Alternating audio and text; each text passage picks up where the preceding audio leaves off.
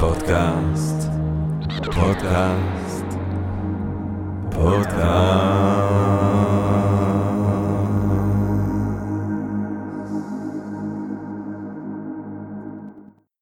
טוב, גבירותיי ורבותיי, ברוכות וברוכים הבאים לפודקאסט של Think and Drink Different. אני ג'רמי פוגל ואנחנו רוצים להתחיל עם תודה לסמסונג נקסט תל אביב, קרן השקעות בתוכנה בשלבים מוקדמים שמאפשרת לנו להקליט את הפודקאסט מהמשרד שלה בשרונה כחלק מתוכנית התמיכה בקהילה החדשנות והיזמות הישראלית.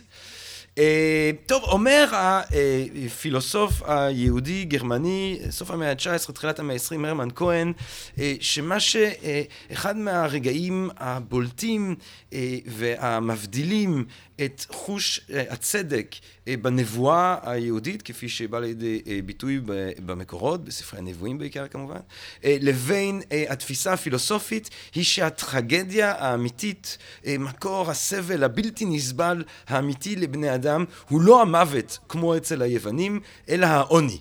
יש התעסקות רבה במקרא אל מול האי צדק הזה של העוני, מבחינת הרמן כהן זה מציב את הכתיבה הזאת כיותר רגישה לבן אדם מאשר הכתיבה האריסטוקרטית היוונית שיכולה לעסוק בבעיות הבורגניות, כמו שאומר סארטר, של סבל מטאפיזי ומוות בלתי צודק.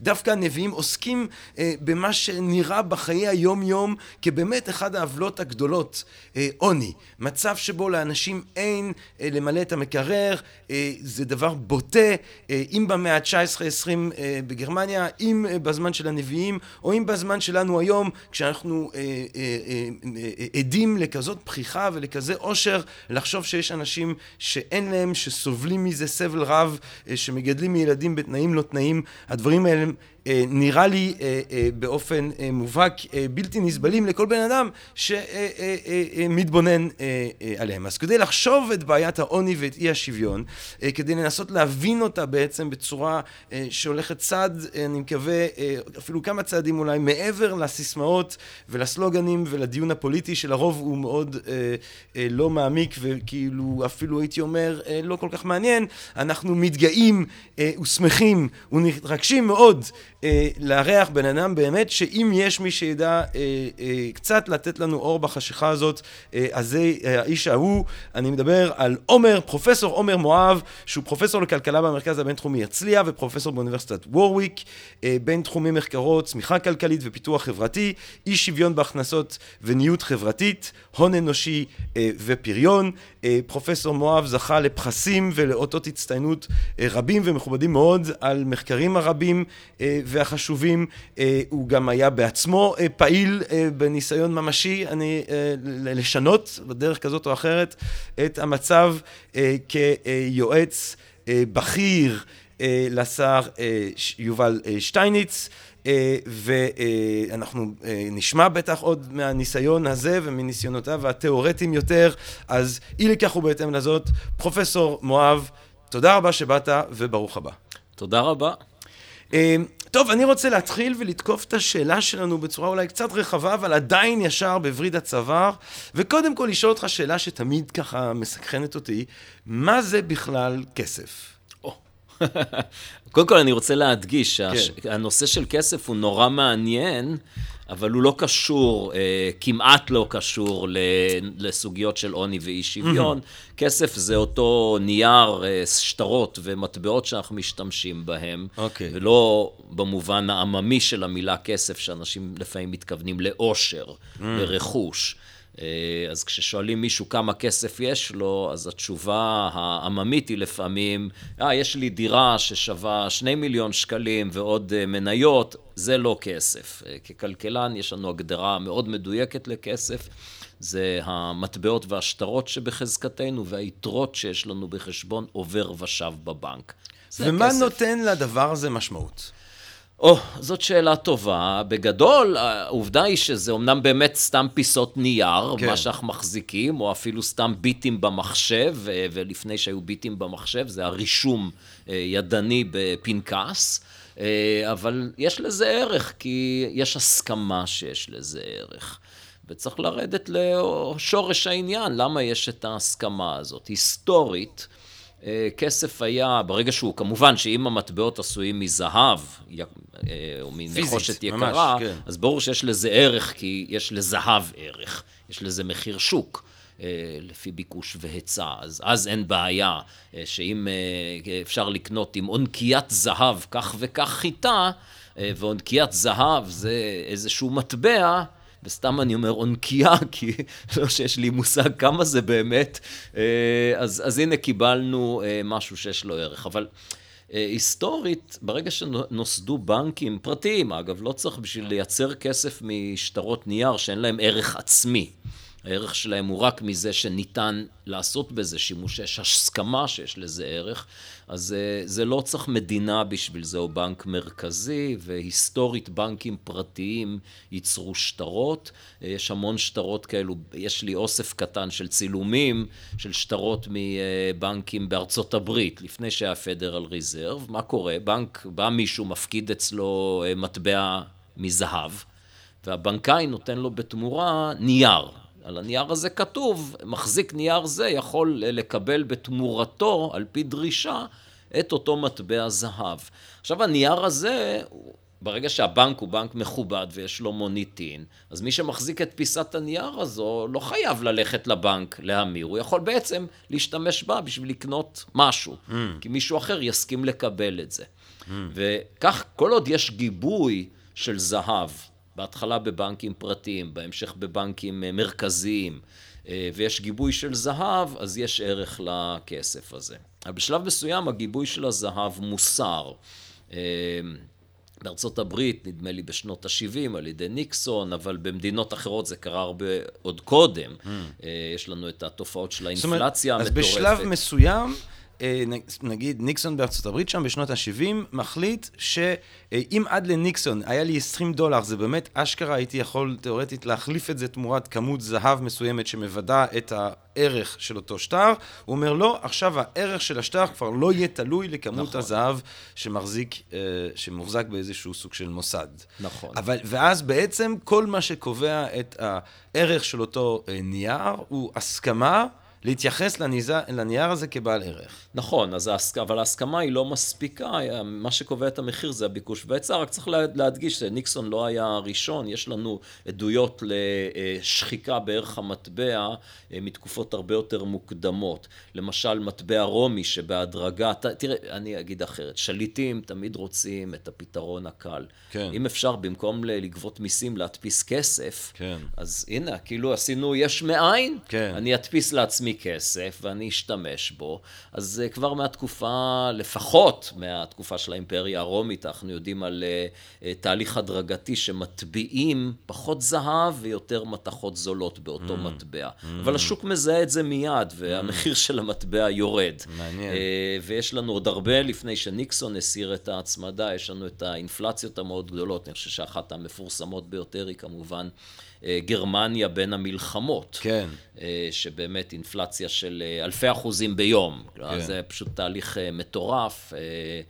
ושוב, הממשלה רוצה, אין הפרדה בין הבנק המרכזי לממשלה, הממשלה בגירעון, היא אומרת, יאללה, נדפיס כסף. אבל ברגע שמדפיסים הרבה כסף, הערך שלו נשחק. ואז בעצם יש להבדיל כבר מהדברים שאתה אומר בין כסף, הניירות שיש לי בכיס, אה, העובר ושב, אה, לבין wealth, לבין נכון, עושר, שזה נכון. אז כן אולי, כולל... אבל אולי ג'רמי, רק להשלים את התמונה, הנקודה mm. שהיא חשובה, זה לא סתם שכולם מסכימים.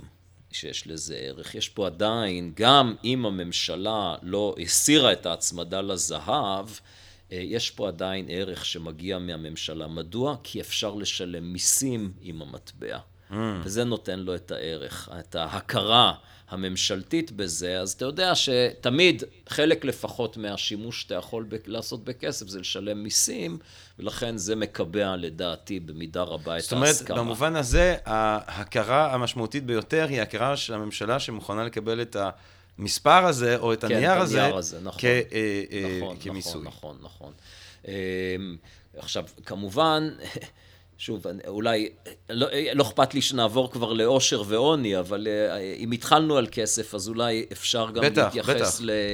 לעוד כמה נקודות, כי זה, זה שוב, זו נקודה מעניינת, כי למשל כל המטבעות הדיגיטליים, ביטקוין וכדומה, אין להם גיבוי ממשלתי, ולכן הם מאוד לא יציבים במחיר שלהם, וקשה לי להאמין שהם אי פעם באמת יחליפו את הכסף.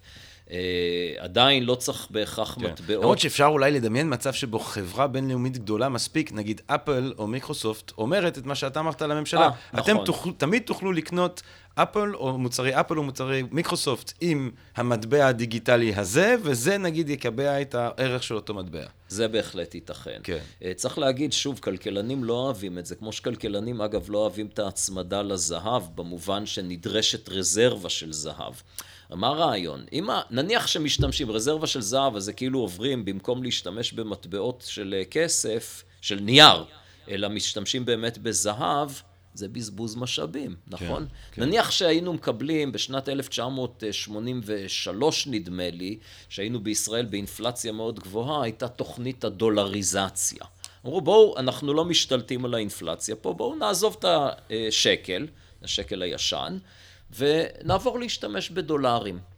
זה פתרון סביר במובן מסוים למנוע אינפלציה, כי אין לך שליטה על הדולר, אבל זה בזבוז משאבים. המשמעות היא שמדינת ישראל הייתה צריכה לרכוש כמות מאוד גדולה של דולרים כדי לעשות בהם שימוש שוטף, כשהיא יכולה במקום זה להדפיס שקלים בעלות אפסית כן. בשביל אותו שימוש.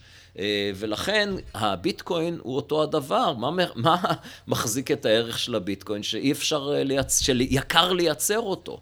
היקר לייצר אותו הוא תכונה הכרחית, mm. אבל זה בזבוז משאבים, בזבוז אנרגיה. איזה סוג של אנרגיה מתבזבזת? חשמל, בעיקר חשמל. Mm. צריך לכרות את הביטקוין במחשבים שזוללי חשמל. אחרת זה לא היה עובד. ובמובן הזה, אבל זה לא יותר זול מלכרות אותו ממש מנייר, שזה דורש גם חשמל וגם לא, נייר? לא, לייצר, לייצר, אה, לייצר ביטקוין, העלות בשוליים היא דומה לערך של הביטקוין, שזה mm. זה מאות דולרים אולי. מעניין. שוב, אני לא זוכר את המספרים, מעניין, זה לא מעניין לא מעניין מאוד. אותי בדיוק הפרטים. כן. לייצר שטר אה, מנייר זה שום דבר, בעיקר... ששוב, רוב הכסף, צריך לזכור, הוא יתרות עובר ושב, שאין בכלל שום עלות, כן. עלות אפסית. אה, זו, זו נקודה גם מעניינת לגבי כסף, שאומנם הבנק המרכזי יש לו מונופול בחסות החוק על יצירת כסף, אבל על הדפסת כסף, והוא נהנה מהרווחים, נקרא רווחי סיניוראז' מהדפסת כסף, כמובן mm. מי שיכול להדפיס כסף אה, נהנה מזה, אה, אבל למעשה את רוב הכסף מייצרים הבנקים המסחריים בתהליך מתן האשראי. בניגוד לכל מיני תיאוריות קונספירציה, הבנקים המסחריים לא מרוויחים כלום מזה שהם מייצרים כסף, זו תופעת לוואי. של מתן האשראי. הם, כשהם נותנים אשראי, הם כמובן מרוויחים כשההלוואה מוחזרת עם ריבית, אבל אה, לא, הם לא מייצרים את הכסף שהם אה, אה, מלווים. בניגוד מוחלט לכל מיני תיאוריות קונספירציה, mm. שלא שווה להרחיב עליהן את הדיבור. אפילו לא זה, כי התיאוריות הקונספירציה במיוחד אוהבות את ה-Federal Reserve האמריקאי. זה לא נכון שה-Federal Reserve, כשהוא מדפיס כסף, אה, מיד מרוויח על זה באיזה כן, לא, לא, הפדרל ריזרב כן, כמו גם כן. בנק ישראל. בנק כן. ישראל שמדפיס כסף, הוא מרוויח מזה, ואת הרווחים שלו הוא צריך על פי חוק להעביר לממשלת ישראל. אה, אני לא יודע כמה הוא באמת מרוויח בנק ישראל, כי הוא במקביל מחזיק יתרות מטח אדירות, ועליהם הוא לפעמים אה, גם מפסיד הרבה כסף. כן. אבל יש לו את הרווח הזה של הסיניורז' של הדפסת כסף, וזה בסדר, אני בעד שגוף ששייך לממשלה ירוויח מהדפסת כסף. ולא, ולא גוף פרטי. ולא גוף פרטי.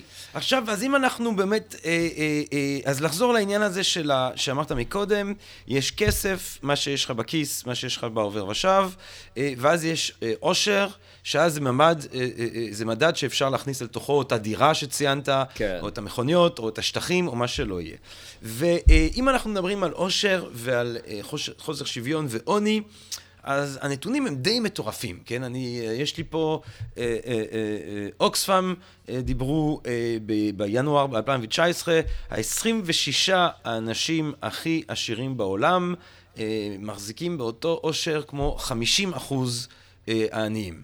כן? או פורבס, שזה לא בדיוק, אה, אתה יודע, זה לא בדיוק העיתון הקומוניסטי הבינלאומי, כן?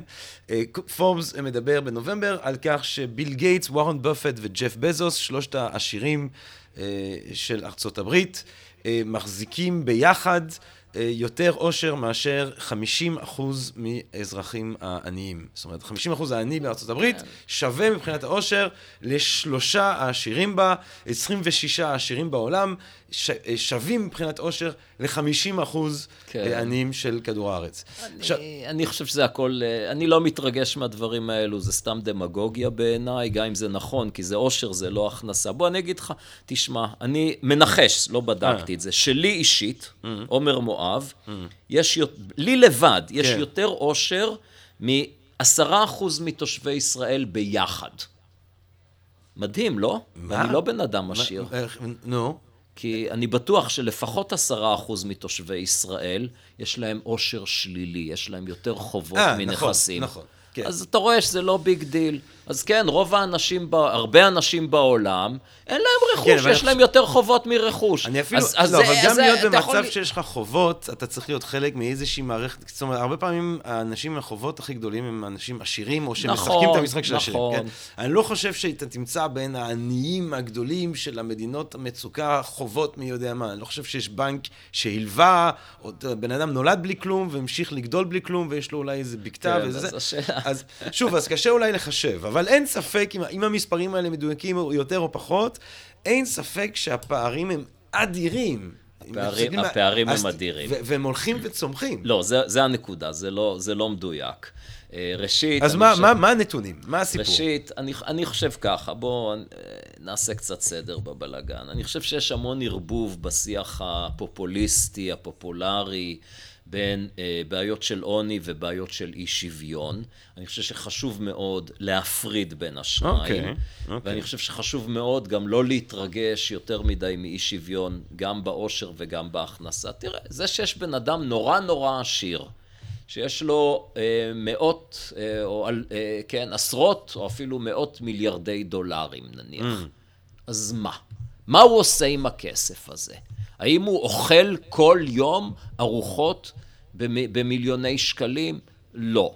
רוב הכסף הזה מושקע. מושקע בנכסים יצרניים. פנטסטי, mm. מצוין. כלומר, ההשקעות האלו מייצרות צמיחה כלכלית, מייצרות ביקוש לעבודה, משפרות את מצב העניים. זה לא דבר רע. אני שוב, לחשוב שאי שוויון זה דבר נוראי, זה, אה, זה להתעלם מהבעיה האמיתית שאיתך התחלת, שזה עוני. Mm. אם באמת חשוב לנו, ופה אני מסכים לחלוטין, עוני זאת בעיה, ומדיניות צריכה לטפל בעוני, אבל לא באי שוויון. מדוע? כי כשאנשים מדברים, ואני, וראית, זה, אתה לא יוצא דופן בזה, שמערבבים את העוני והאי שוויון, כאילו זה אותו הדבר. והנה, mm. גם הדוגמה הזאת של uh, מעט אנשים עשירים מחזיקים יותר עושר מכל, מקבוצה ענקית בעולם, והנה אמרתי לך, גם אני, שאני ממש לא בן אדם עשיר, יש לי יותר עושר ממאות uh, uh, אלפי ישראלים ביחד. Mm. Uh, אז לא צריך להתרגש מהדברים האלו. וצריך לחשוב באמת על העניים. Mm. ועל הבעיה של העוני, ולהתייחס לנתונים ברצינות, ולהבין שהתמונה בעולם היא דווקא מצוינת. באיזה מובן? לא להסתכל על עכשיו כמה יש הרבה עניים והחיים שלהם רעים ואוי אוי אוי. בואו נסתכל מה קרה לאורך זמן. Mm. האם יש שיפור? תשובה כן, יש שיפור דרמטי במצב העוני בעולם. אה, אם נלך אחורה 200 שנה, אז מעל 90 אחוז מהעניים חיים בעוני, לפי, לא עוני יחסי כמו שמודדים כאן, שזה בעצם העוני בישראל, כמו במדינות אה, מפותחות, המדידה היא מדידה של, במידה רבה, מדד של אי שוויון ולא מדד של עוני. אלא כשמסתכלים על מדדי העוני למדינות עניות, קו שני הדולר ליום, לנפש, אה, נלך אחורה לשנת 1800, אה, שני דולר בכוח קנייה, כמובן לא שני דולר של אז, שני דולר של היום. כמעט כל בני האדם בעולם חיים על לא פחות משני דולר, אפילו בקושי דולר ליום. יחס, יחסית לאינפלציה וכולי וכולי. מתוקן, בכוח כן, קנייה, בכוח כן. קנייה. רוב בני האדם חיו לפני 200 שנה בעוני מחפיר. ואם נלך אחורה רק 40 שנה, עדיין חלק מאוד גדול מאוכלוסיית העולם חיים בעוני מחפיר, אני לא זוכר בדיוק כמה, משמעותית יותר מהבערך עשרה אחוז היום שנותרו בעוני. אה, הצמיחה הכלכלית עשתה אה, אה, דברים נפלאים למצב העניים בעולם, וצריך להבין מאיפה הצמיחה הזאת. עכשיו, ואתה, אז, אם, אז, אז קודם כל זה מרתק. זה דבר, אני חושב שמאוד חשוב, לקבע אותו ככה בתודעה שלנו. בוא באמת נפריד, כשאנחנו דנים את הדיון הזה, בין שאלת העוני לבין שאלת אי השוויון. כי אתה אומר, יכול להיות, עכשיו אנחנו צריכים לדבר על האם זה אכן המצב, אבל יכול להיות מצב שבו כולם נגיד יוצאים מהעוני, נגיד לכולם יש איקס כסף ביום ולכן הם כבר לא עניים, אבל עדיין האי שוויון הרבה יותר גדול משהוא היה כשהרבה יותר אנשים היו בעוני, כך שבעצם אפשר להפריד אה, בין הסוגיות האלה, אתה אומר, וכדאי להפריד. אני אציע לך גם גישה פילוסופית. בוא נלך למשפחה ענייה, במדינה ענייה, כן. כן? או אפילו בישראל. כן. תגיד למשפחה הזאת, תשמעו, עכשיו יש לי הצעה בשבילכם. אני אכפיל לכם את ההכנסה. כן. בלי אינפלציה, במונחי כוח קנייה. אבל דעו לכם שבזמן שאני אכפיל לכם את ההכנסה, גם אותם עשירי עולם אני אכפיל להם את ההכנסה. האם הם יגידו, לא, לא, אם ככה אנחנו לא רוצים, כן. כי אתה מגדיל פער, אז לא אכפיל, אפילו אשלש להם את ההכנסה. בזוס ו... ו... וכולי וכולי. וגייטס בוופט. כן. כן. כולם, תשלש להם את ההכנסה. אם אתה חושב שאותו אדם אני אגיד, לא, לא, לא, אני מעדיף להיות אה, אני אביון, העיקר שמצבם לא יהיה יותר טוב. אני לא קונה את זה, אני לא מאמין בזה. אז אני חושב שבאמת צריך לחשוב על העוני. השאלה היא אבל, אם, האם, האם מה שאני באמת מנסה לעשות, זה להכפיל את סכום הכסף שמשפחה אה, ענייה בארצות הברית או בישראל, או במדינה אה, ענייה אף יותר, אם אני בא להכפיל את ה... עושר שיש למשפחה ענייה, אה, האם המחיר שכחברה אולי אני צריך לשלם, זה לשלש את ההון של המגה העשירים, או שכמו שאתה אומר, אלה הן שאלות נפרדות. אני יכול להוציא אנשים מעוני, וגם אה, לנהל מדיניות כלכלית חברתית שבה הפערים המשוגעים האלה אה, אולי מצטמצמים, גם הם. אני, אני לא חושב שמדיניות צריכה להיות בכלל מכוונת לצמצום פערים. זו מדיניות, זו מדיניות מסוכנת. אני מציע, בוא נלמד את הכלל דווקא של רולס, הוא חביב עליי בעניין הזה, אם כי הוא מאוד קיצוני, mm. של לחשוב על העני ביותר כן. בחברה. הוא זאת אומרת, קיצוני. הכלל של רולס... אבל אפילו רולס, הכלל הזה לא נאמר, לא מדבר על אי שוויון. אולי רק נאמר שרולס באופן פילוסופי מציע לחשוב על חברה צודקת כחברה... חברה שבה היית מסכים להיוולד גם בדרגה הכי נמוכה, אה, או במיקום הסוציו-אקונומי הכי נמוך שהחברה הזאת אה, מציעה. אני הייתי מנסח את זה אחרת, אבל למרות שאתה הפילוסוף, לא, לא, בבקשה. ההבנה שלי של, אה, של הטענה של רולס, זה שאתה, אם אתה נמצא מאחורי, אני לא יודע, אומרים בעברית מסך הבערות, זה נשמע לי מילה לא מוצלחת, mm. אתה לא יודע מי תהיה בחברה, כן. אז אתה מן הסתם תדאג לאדם תתכנן את החברה בלי שאתה יודע מי אתה הולך להיות, כן. אז תחשוב מן הסתם על האדם האומלל ביותר בחברה, כי אולי אתה תהיה אותו אדם נכון, אומלל. נכון. אה, א', אני חושב שיש שתי הערות לגבי רולס, אם כבר נגענו בו. אחד, הוא לא חידש שום דבר בהשוואה להרסני, שהיה כלכלן שהקדים אותו בנדמה לי 20 שנה, רק שהרסני עשה את זה נכון, ורולס לקח גרסה פופוליסטית של הרסני ועשה את זה שגוי. מדוע שגוי? כי רולס הניח אה, שנאת סיכון אינסופית. זאת אומרת, על, על פי המודל של רולס, למעשה, אם יש לך נניח חברה של מיליון אנשים, ויש לך שתי חלופות, שאחד יש לו שקל ביום, והמיליון האחרים יש להם אלף שקלים ביום, או החלופה שאחד יש לו שני שקלים ביום והמיליון האחרים יש להם רק עשרה שקלים ביום, אז אתה תיקח את החלופה השנייה. רוב בני אדם יעדיפו דווקא את החלופה הראשונה. ייקחו סיכון. ייקחו טיפה סיכון, כן. אבל כן. אם אנחנו נחשוב באמת כן. במונחים של צדק... זה מה שהרסני עשה יותר, אה, יותר מדויק, כן, יותר זה, נכון. תראה, א', זה נראה אינטואיטיבית, אני לא זה, אינטואיטיבית נראה לי שהוא צודק, אבל אם באמת נחשוב על המונח, על, על צדק, ואנחנו רוצים שחברה תהיה צודקת גם לבן אדם הכי אומלל שבא, ואני מניח שזה ראייה בסיסית שאתה... בהחלט. מוסכמת אני, עליך. אני חושב, אני חושב בצורה יותר רחבה. אני, כשאני מגדיר, אה, כשאני עוסק במדיניות כלכלית, בהרצאות שלי, אני מגדיר את המטרה של מדיניות. דאגה לרווחה של הציבור, עם דגש על מי שנמצא בחלק התחתון של התפלגות okay. אוקיי. ההכנסות. אז בוא, אז אני מציע, בוא נפחית באמת את הדיון שלנו לשתי שאלות. ומה, מהו... אה, מה, מהו עוני, איך מטפלים בעוני ברמה של אה, אה, פוליטיקה לאומית או בינלאומית, ואז שאלת האי שוויון, בעד, נגד, כן, כן, מה שלא יהיה. אבל בואו נתחיל באמת משאלת העוני. מצוין. אז האמת שאני בדיוק הכנתי עכשיו ל-think and drink הרצאה חדשה. אה, מצוין. וההרצאה הזאת תהיה בשישי במאי, בקמ"ש בקרוב. בשישי במאי. זה יהיה הופעת בכורה עם ההרצאה החדשה שלי. הופעת בכורה של ההרצאה שלך על עוני, אז תן לנו... שההרצאה הזאת, זה, הכותרת כן. שלה זה חיסול העוני בעולם, תקווה, אכזבה, הצלחה. Mm. ואני אתן את השורה... את הפיץ'. את השורה התחתונה, כן, ה-bottom line. כן. התקווה הייתה... שניתן לעזור לעניים במגוון רחב של תוכניות ולחלץ אותם מעוני. ובהרצאה אני כמובן מסביר את הבסיס התיאורטי לתקווה הזאת, איך כלכלנים חשבו על מודלים של מלכודות עוני. ואיך המודלים האלו השפיעו על מעצבי מדיניות, ואיך כל זה לא הצליח. אז איך בכל זאת הצלחה? יש הצלחה, אבל היא לא קשורה לתוכניות סיוע. זה ה... הבנתי. זה בעצם ה...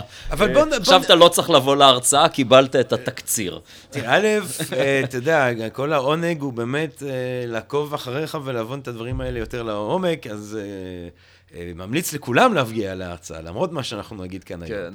אבל בוא נחשוב שנייה אולי אז יותר, בצורה יותר רחבה שנייה על עוני. מה המקור בכלל מבחינתך של עוני? אה, בחברה, אה, בחברה יחסית אה, עשירה. כן, אז אני חושב שבאמת, א', אני יותר מוטרד, לא יודע אם אני יותר מוטרד, אבל המחקר שלי עוסק דווקא יותר בעוני במדינות עניות מאשר... עוני במדינות מפותחות, הרי ברור שאדם שהוא עני בהודו יסתכל על עני ישראלי בקנאה רבה. כן. זה, זה עולמות אחרים לחלוטין. אמ, אבל גם מעניין אותי כמובן לא כחוקר, אלא מבחינת מדיניות, בהחלט העוני הישראלי. אה, עוני הוא תוצאה של שני דברים מרכזיים. אחד, אנשים שיכולים לעבוד ועובדים, אבל פריון העבודה שלהם הוא נמוך, הם מייצרים מעט מאוד. והשני הוא אנשים שלא יכולים לעבוד ולכן תלויים בחסדים של אחרים, כולל המדינה, למחייתם. וכדאי להפריד בין הדברים האלו ולהבין ראשית שאם רוצים לסייע לקבוצה מאוד גדולה, כן, אם רוצים לה, לחסל את העוני בעולם, אי אפשר לעשות את זה על ידי זה שפשוט ניתן לעניים כסף. תגיד, אני רוצה לשאול אותך משהו, אבל אתה, אז, אז אנשים שלא יכולים לעבוד, אנחנו כמובן אה, יכולים לחשוב על כל מיני מקרים כאלה, ואז אין ספק שזה... אבל אז הקטגוריה הראשונה הזאת היא מעניינת. אנשים שיכולים לעבוד, אבל פריון העבודה שלהם נמוך. אמת. אני מנת... ואני תוהה אם לא, אם אי אפשר להסתכל על זה באיזושהי צורה כאל האשמת הקורבן, האשמת האני. אה, לא, לא, ממש לא. זאת אומרת, במובן הזה, לא. ש, שמי קובע, זאת אומרת, למה פריון העבודה של מישהו שעובד במקום X הוא נמוך יותר מפריון העבודה של... זאת אומרת, בהכרח יהיה, יהיה לזה הקשר? אני יכול לדמיין כן, מישהו לא, לא, ש... אז, אז, אז שוב, זה לא, הקשר הוא לא הכרחי, הוא נכון במדינות שמבוססות במידה כזאת או אחרת על כלכלת שוק. כן. אה, שבהם, במדינות כאלו, כשיש כלכלת שוק, תחרותית, מעסיקים, מעסיקים עובדים, משלמים להם שכר לפי היצע וביקוש, אז יש קשר הדוק.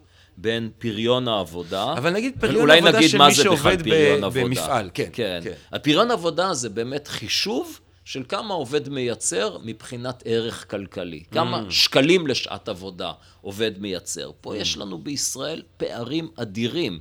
בשום אופן לא האשמת הקורבן, חס וחלילה.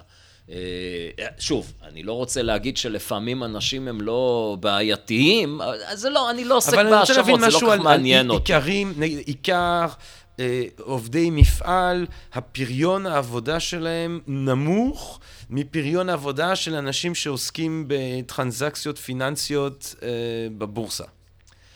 בבורסה. טוב, אתה לוקח אותי למקום באמת אה, בעייתי. אני חושב שחלק מאוד מאוד גדול מכל שוק ההון והמומחים בשוק ההון אה, זה בועה אחת גדולה, והם לא מייצרים שום ערך. אבל הם, הם, אז, אהה, זה בדיוק העניין. בהחלט, לא, הם לא, לא, לא מייצרים לא, שום ערך. בהחלט. והם יושבים ועושים נכון, מיליונים, נכון, אם לא נכון. מיליארדים. נכון. ובן אדם הוא בן אדם שמגדל אה, עגבניות, שבעיניי זה ערך אה, נשגב. כן.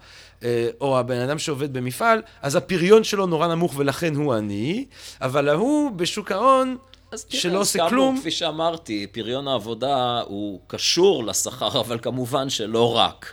אה, ואם אנשים מצליחים למכור אשליות, אז הם, אה, כן, אז הם ישתכרו הרבה, כמו שרופאי אליל יכולים כן, להרוויח כן. הרבה, כך גם אה, המומחים בשוק ההון. כן. כן, לא חסר, לא כן. לא חסר אנשים אבל, שיודעים אבל אז, למכור אבל אז אנחנו, אז כן אנחנו פתאום, בולשיט. אבל אז פתאום כן. אנחנו אומרים ש, שכגורם לעוני, אנחנו צריכים אולי לחשוב מעבר לאנשים שלא יכולים לעבוד בפריון עבודה, אלא גם כל מיני מנגנונים חברתיים שבתוך... כל, אתה מבין מה אני רוצה להגיד? כל מיני, מערכת תראה, מורכבת של משמעות תראה, חברתית. תשים לב ששוב אתה מוטרד מאי שוויון ולא מעוני. כי אני מוטרד... לא, אני, לא, לא, לא, אני מדבר כן. רק על עוני, לא אכפת לי מזה. כן. תראה, לא אכפת לי שהם מרוויחים בשוק ההון. כן. לא אכפת לי. אני אגיד לך למה כן, אכפת לי. לא בגלל שאיני צרה כן. ברווחים. שלהם, אלא כי זה מגיע על חשבון מישהו. ש... הנה הנקודה המעניינת. כשבן אדם מרוויח הרבה כי הוא מייצר הרבה, כלומר הפריון שלו גבוה. עינינו לא צרה בו, ויש בזה גם היגיון כלכלי שעינינו פחות צרה, יש פחות נכון. קנאה, כן? כשמובילאיי אה, אה, פיתחו ומכרו ונהיו בעלי מובילאיי, נהיו מיליארדרים, לא שמעתי אנשים פה מפרגנים, את ה... אנשים מפרגנים. כן, אנשים כן. מפרגנים. לעומת זאת, אם מישהו אה, עובד נמל ים, שמקבל משכורת שהיא אפס לעומת ההכנסה של בעלי מובילאיי, של רק 30 או 40 אלף שקל לחודש, כואב לנו. ובצדק, כי זה הוא גוזל מאיתנו. הוא לא מייצר את הערך הזה, הוא סוחט את זה מהציבור. וזה בעיה באמת של ארגוני העובדים, והאשליה שיש בישראל לרבים מהשמאל המרקסיסטי, אה, או השמאל ששואב את האידיאולוגיה שלו, בלי שהוא מודע לזה במקרים רבים מהמרקסיזם, שוועדי העובדים זה דבר מצוין לעניים ולצמצום פערים, וזה פשוט הבל מוחלט שמסתכלים על העובדות. אז בואו נדבר באמת על, ושוב, אנחנו שומרים uh, בתודעה את ההבדלה המאוד, המאוד מעניינת הזאת, uh, שבאמת, uh, אתה הצבת בין עוני לאי שוויון, שזה נראה לי דבר קריטי באמת לזכור, ואנחנו ננסה לזכור את זה בדיון שלנו היום. בואו נדבר על סחיטה, ואז גם על ועדי עובדים. כי אם אתה מדבר על סחיטה של מי שמרוויח uh, 30 אלף שקל, אז אני מניח שאותו שמאל שאתה מעלה כאן, מיד גם יבקש מה עם סחיטה של נגיד משפחת עופר שסוחרת. בנכסים ציבוריים, נגיד, לא יודע, ים המלח זה נראה לי נכס ציבורי, נכון? זה שייך, אתה אזרח ישראלי, אתה נלחמת, אתה עשית, שייך לך כמו שייך להם, אתה לא מרוויח מזה, הם כן מרוויחים מזה. אנשים יבקשו על הסחיטה של אה, תשובה בגז, אנשים אה, יגידו שפה יש אה, סחיטה של מיליארדים, ולעומת כמה אלפי שקלים יותר או פחות של ההוא שעובד אה, אה, אה, אה, אה, בנמל, אה, זה מצטמצם, כן? כמה אלפי שקלים. אבל אתה רואה, ג'רמי, שאתה שוב אתה עסוק בעניין של קנאה, ולא בעניין של באמת איכות החיים של העניים. לא, לא, לא, אבל שנייה, אתה, דיברת על סחיטה. אני אענה לך גם, אני אענה לך על הסחיטה. כן. אני אני, אני אענה, לא אתחמק מזה. אני חושב שכל מי שמצליח, במקום להתפרנס, אני אגיד זה אחרת, תשמע. אנחנו רוצים להעלות את הרווחה של הציבור. אתה מסכים איתי שמוטב לחיות במדינה שיש לציבור יותר רווחה מאשר פחות רווחה. כן. אם אנחנו רוצים שיהיה לציבור יותר רווחה, צריך לייצר את הרווחה הזאת. כלומר, לייצר מוצרים. אנשים צריכים להתפרנס מזה שהם תורמים לרווחה, ולא מזה שהם גוזלים רווחה מאחרים. בזה, אם הסכמנו על זה, אז הסכמנו שכל מי שמייצר לעצמו הכנסה על חשבון אחרים בלי לייצר ערך, זה דבר פסול שצריך להילחם בו. כי הוא פוגע גם במעמד הבינוני, גם בעשירים, גם בעניים, כן? כל מי שסוחט את הציבור.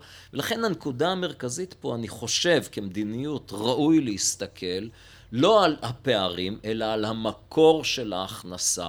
וכפי שאמרתי, אם בן אדם מרוויח גם 200 אלף שקל לחודש, אבל הוא תורם ערך, רווחה לציבור בשווי כזה, אז אין לי בעיה עם זה. אתה תגיד לו, לא, זה לא בסדר, אז הוא יפסיק לייצר ערך. לעומת זאת, מי שסוחט את הציבור, וזה לא משנה עקרונית אם זה טייקון שיושב על מונופול, או עובד מאוגד שסוחט את הציבור, כך או כך. ספציפית, אני חושב שהצעקות על שוד הגז הן מעט מופרזות, כי צריך לזכור שכשמדינת ישראל ניסתה כממשלה לחפש גז, זה לא כך הצליח.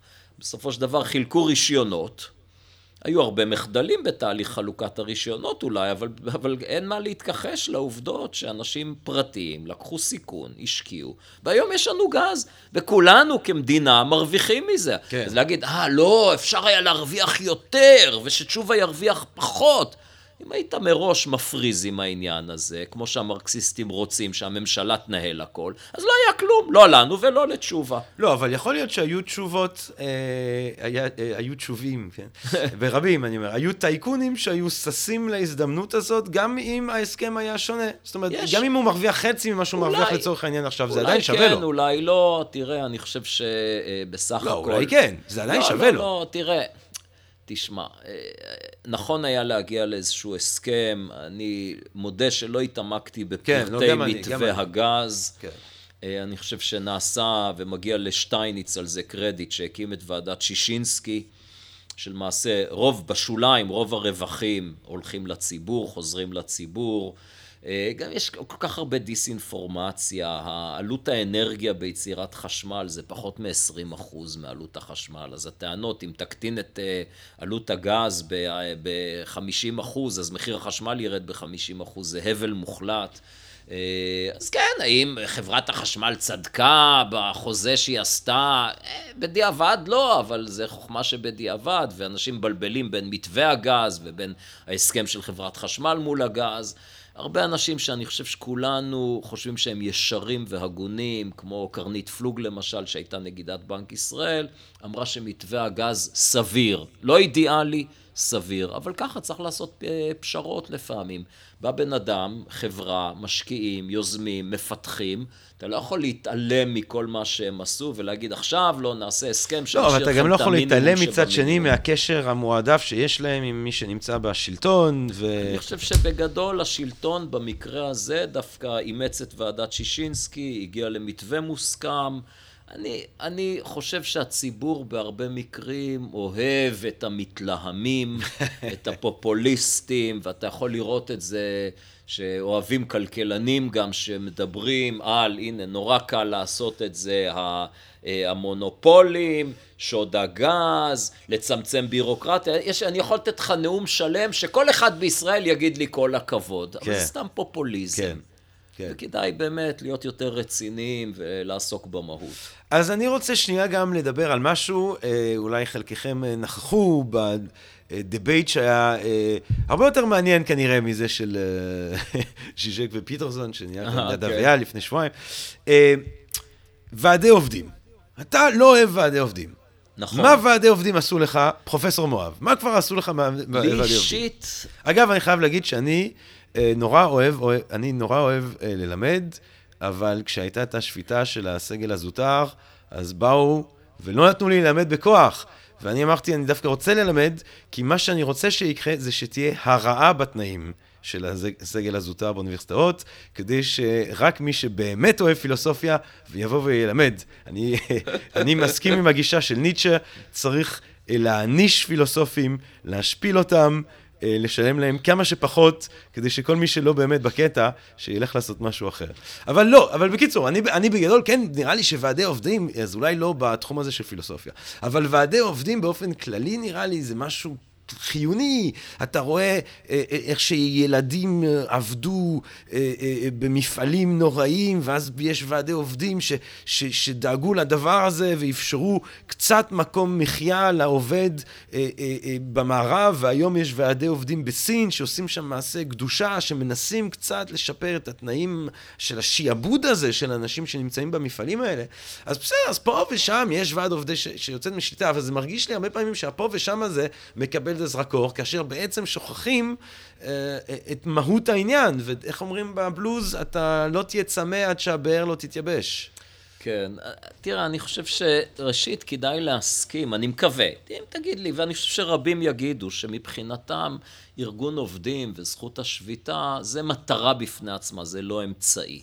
עם אנשים כאלו אין לי ויכוח, כן, אבל מי שאומר לי, אני בעד ארגוני עובדים וזכות השביתה, כפי שהם היום בישראל, כי אני מאמין שזה מקטין עוני, או מצמצם פערים, או משפר את הרווחה של הציבור, זאת טענה פוזיטיבית, היא כבר לא טענה נורמטיבית, שאיתה אני שמח להתווכח. אני רוצה להבהיר, אני לא נגד ארגוני עובדים, ולא נגד זכות השביתה, אדרבה, אני הרי ליברל בתפיסת עולמי. שכל אחד יעשה מה שהוא רוצה. כן, לא, אתה גם מאוד נהנה מהפירות של מאבק, נגיד, של איגוד העובדים האקדמי לדורי לא, דורות. לא, ממש לא, דווקא סבלתי מזה. אישית סבלתי, מה, בוא, אוקיי, בוא נפתח רגע את הקופסה הזאת. מה עשו ארגוני העובדים של הסגל הבכיר אה. באוניברסיטאות? הם מקבעים ראשית בינוניות, שכר עבודה שלא מתגמל את מי שיש לו על חלופות כלכליות הרבה יותר גבוהות, כלומר השכר שלי, לכן באוניברסיטה העברית יותר נמוך היה מהשכר, הייתי פרופסור מן המניין באוניברסיטה העברית לפני שעזבתי. אה, השכרי היה יותר נמוך ממה שהבינתחומי הציעו לי, או כל, או מה שאוניברסיטת ווריק משלמת לי. הבינוניות הזאת מוכתבת על ידי ארגוני העובדים. אה, וזה לא שארגוני העובדים, אגב, לא אוהבים, אוהבים שוויון. לא, הם אוהבים אי שוויון. כן. אתה רואה את זה לא רק כן. בהשכלה הגבוהה, למעשה בכל ארגוני העובדים. כן. הם אוהבים. פערים בתוך... העיקר שאי השוויון הזה יהיה מכל מיני קריטריונים, רק חלילה לא תגמול על הישגים, מאמץ וכדומה, חלופות. העיקר לא ללכת לפי הקפיטליזם, שאדם שעובד קשה יותר ומצליח יותר גם מתוגמל. זה ארגוני העובדים בישראל לא אוהבים. ותק, כן. קריטריונים תמוהים ומשונים, כן. היכולת לסחוט ולהזיק, כן. זה מבנה השכר בישראל. ובכל משא ומתן קיבוצי שמנהלים ארגוני העובדים בישראל מול משרד האוצר, כלומר אני מדבר על המגזר הציבורי הרחב, ארגוני העובדים האלו נלחמים כדי להגדיל את הפערים בתוך הארגון שלהם, ומשרד האוצר, פקידי האוצר, הם אלו שנלחמים בכיוון ההפוך. אני יכול לתת פה המון המון דוגמאות. אה, אני יכול להגיד לך, השביתה שאנחנו יצאנו אליה כסגל בכיר, מתי זה היה? לפני למעלה מעשור לדעתי, אה, נגמרה בהישג מרשים. כן, זה היה לפני למעלה מעשור, עוד אולמרט היה ראש ממשלה. אה, אולמרט פחד שעם יציאת ועדת דוח וינוגרד אז על המחדלים של המלחמה, גם הסטודנטים יהיו ברחוב ויפגינו, ולכן הוא הנחה את משרד האוצר, יאללה מהר תסגרו עניין מול המרצים. אז פרסמו אימייל לקוני, קיבלנו תוספת של 24% לשכר, שזה הרבה כסף. כן. אבל כשקצת נברנו בדברים, אה, בסופו של דבר הבנו שמשהו פה מוזר. כתוצאה מדרישה שלי, הוועד פרסם סוף סוף את, ה, את מה שקרה. תגמלו את הפרופסורים בשיא הוותק בתוספת של מעל אפילו 30 אחוז, כאלו שמראש שכרם מאוד גבוה, כמובן מנותק לחלוטין מהעובדה אם הם עובדים או לא עובדים, כלומר כאלו גם ששלושים שנה כבר לא ייצרו שום פיסת מחקר והם מקבלים שכר מאוד גבוה, אותם תגמלו ב-30 אחוז ומעלה, ולעומת זאת הסגל הבכיר, הצעיר, הצעירים שרק נכנסים למערכת, להם התוספת הייתה פחות מ-20 אחוז. הבלוף שמכרו לציבור היה בריחת מוחות. עכשיו במחילה, המוח של מי בורח? המוח של המרצים הצעירים. הפרופסורים בשיא הוותק, המוח שלהם לא בורח לשום מקום. הוא בקושי מתפקד בחלק מהמקרים. אבל אז אתה, אבל, אבל, אבל יש לומר שאתה כן, טוב, אז אני אגיד זה ככה. אם אני מבין אותך נכון, פרופסור מואב, אתה אומר, אני בעד אה, ועדי עובדים, אני נגד איך, הם, איך שהם מתנהלים. אני, אני אגיד ככה, זה קל להגיד, אבל זה חסר משמעות. הם מתנהלים כפי שהכלכלה והתמריצים והחוקים מאפשרים להם. חלק גם מהתרבות, אני חושב שבישראל נוצרה לנו באמת איזה מין תרבות שרואים אותה באופן רחב יותר, זה אגב קשור גם לפריון העבודה הנמוך לדעתי, של אה, התעלמות מהזולת. החזירות בישראל היא נעשתה חלק מרכזי מהתרבות. לצערי הרב, אני אומר את זה, אני נמצא בהרבה מקומות מחוץ לישראל, ואני רואה באמת התנהגות אנושית שונה. התרבות הזאת של אה, לא אכפת לי מאחרים רק מעצמי, חדרה חזק לארגוני העובדים בישראל, אבל כאמור אין לי שום בעיה שכל אחד יעשה מה שהוא רוצה, אבל כדאי למנוע, מה שהחוק הישראלי לא מאפשר זה למעסיק להתגונן, וזו השערורייה האמיתית. אתה רוצה להתארגן ולשבות, בבקשה.